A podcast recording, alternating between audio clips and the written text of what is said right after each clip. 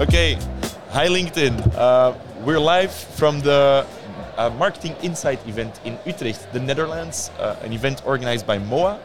Uh, I'm here with Nathan Axford, co-founder and partner of Beyond Reason. Hi Nathan, welcome. um, we're uh, here for a conference today. We're here for a presentation. Nathan is going to give a presentation um, on which he'll tell you a bit more about in a minute. But as it's our first uh, conference since COVID, actually, and as it's the second time uh, we're going uh, live on LinkedIn, we're doing a short introductory presentation or interview and presentation uh, beforehand. So Nathan, hey, welcome again. Thanks. Thank you. How does it feel for you to be uh, back out uh, at the Me conference? What do you like about the conference? It's great to be out and about. Let's put it Okay. like that. Uh, going to a conference, I think, is always interesting. You know, it's about meeting people, people you've met before sometimes and hadn't seen for a very long time. Yeah. Uh, it's also about the great lunches. Yeah.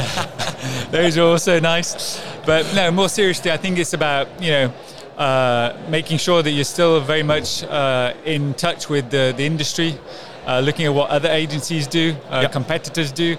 Um, it always brings a fair amount of inspiration, and then going back to the the drawing board, I would say, and, and trying to steal with pride some some you know some some some things you've learnt, Yeah. uh, and how you can apply that to your to your own business. Um, could you maybe, and of course, without telling us too much about the presentation itself, uh, what are you going to talk about today? Uh, what are you going to bring for the, the visitors of the Me here uh, in Utrecht? So basically, today we're going to be talking about how to hack preference and purchase. I think preference and purchase are fundamental to any uh, success of any brand, uh, the cornerstone to, to success. And uh, basically, what we're going to be doing is we're going to be talking about how to understand preference and purchase from a scientific perspective, Yep. and then helping people also understand how they can influence and how they can have a, you know, I'd say a firmer grasp onto influencing preference and purchase. So it's going to be a, a really exciting uh, uh, session, I think, Perfect. uh, with hopefully a lot of people.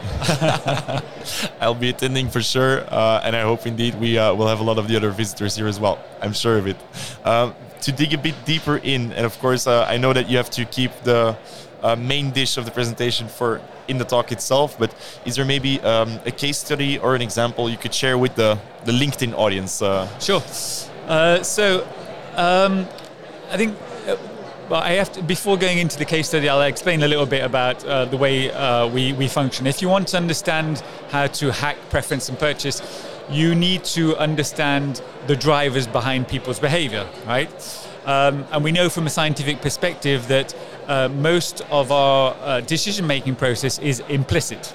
Okay, scientists say that up to 85% of all thinking is implicit. Scientists have now established that the implicit mind is the decision center. And so, if you want to influence preference and purchase, we need to understand the implicit goals people seek to satisfy. Yeah. Right? And so, uh, the case study I'd like to share is about a, a brand of crisps. All right. Um, so they sell crisps.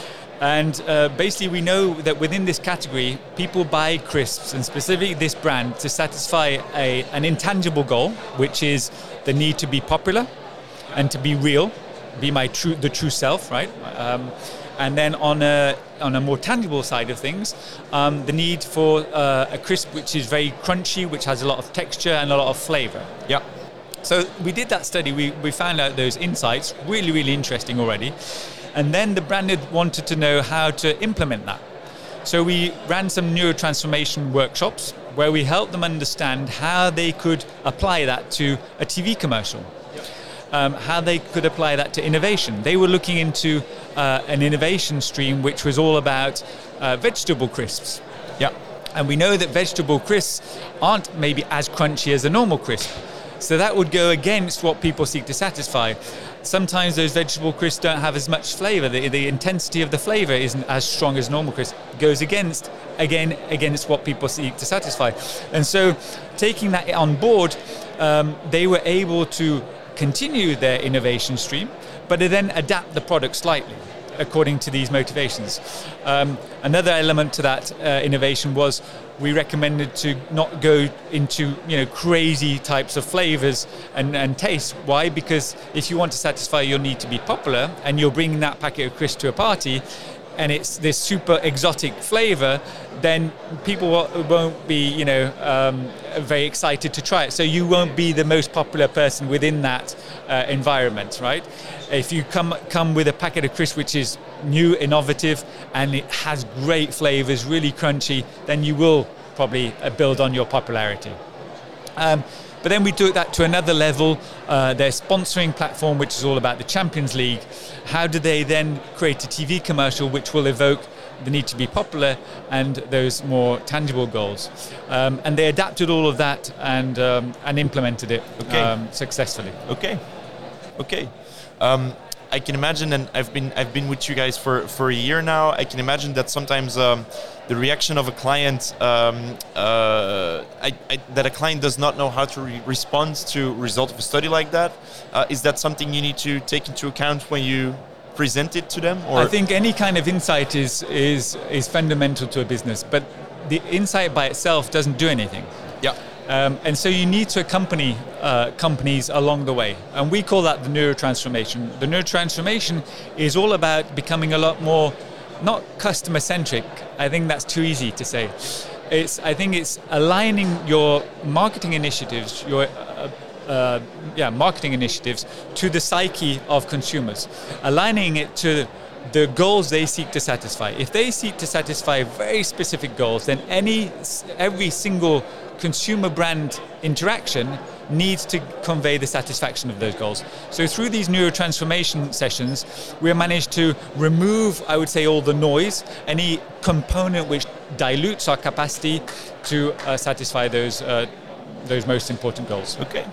I'm sure we'll hear more about that as well in the presentation because Indeed, the, the title will. of the talk is the neurotransformation. Um, and maybe you can finish the sentence because the um, second tit- second part of the title was? Oh, it's the neuro transformation and making sure that exactly. uh, we are capable of uh, through that transformation of becoming a lot closer to the uh, consumer and a lot cl- what do we mean by a lot closer? Is satisfying their goals. Exactly. Thank you.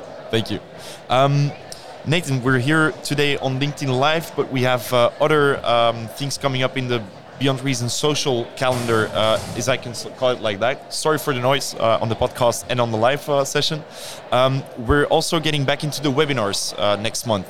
Um, are you excited to get back into the studio? Um, any subjects you're looking forward to uh, discussing? Yeah, I, I, we talked about this uh, a couple of days ago, and I think I did a post on this. But basically, we're getting loads of questions from from our clients about some really, really interesting topics, such as taste. You know, how oh, yeah. does your brain perceive taste? Yeah. Um, and uh, and the clients are asking us uh, these questions because our answers are always scientifically based. So we'll we'll have a very robust scientific uh, approach to these type of questions. And uh, we thought, well, we're getting all these questions. You know, we're just sharing them with the, with one client. We need to share this on a broad, towards a broader audience. And so uh, that's why we designed these neuro minutes, what we call neuro minutes. Um, a short amount of time, we'll be sharing uh, really interesting information about very uh, interesting topics. So we've got that. Um, those are weekly sessions, and then we've got our webinars, which are monthly sessions. And uh, during the webinars, it's a, a 30-minute webinar uh, where we'll also address a, a fundamental topic in marketing, but then address it again from a scientific perspective. I, uh, I'm, I myself, I'm, I'm, already looking forward to it. Maybe for the audience also, we'll be launching the first of the Neuro Minutes today, even. So um, make sure you check it out. And I would say, uh, Nathan, um, let's round up our small interview so you can get, go ready for your presentation. Uh, I hope the LinkedIn audience enjoyed it very much. I want to thank you for being a, a great interviewee. I want to thank the me and their uh, professional setup for uh, allowing us to use their podcast uh, space. And I would say, uh, let's rock it on the presentation. Great, thanks, thanks so much. a lot. Thank All you. right. Bye bye.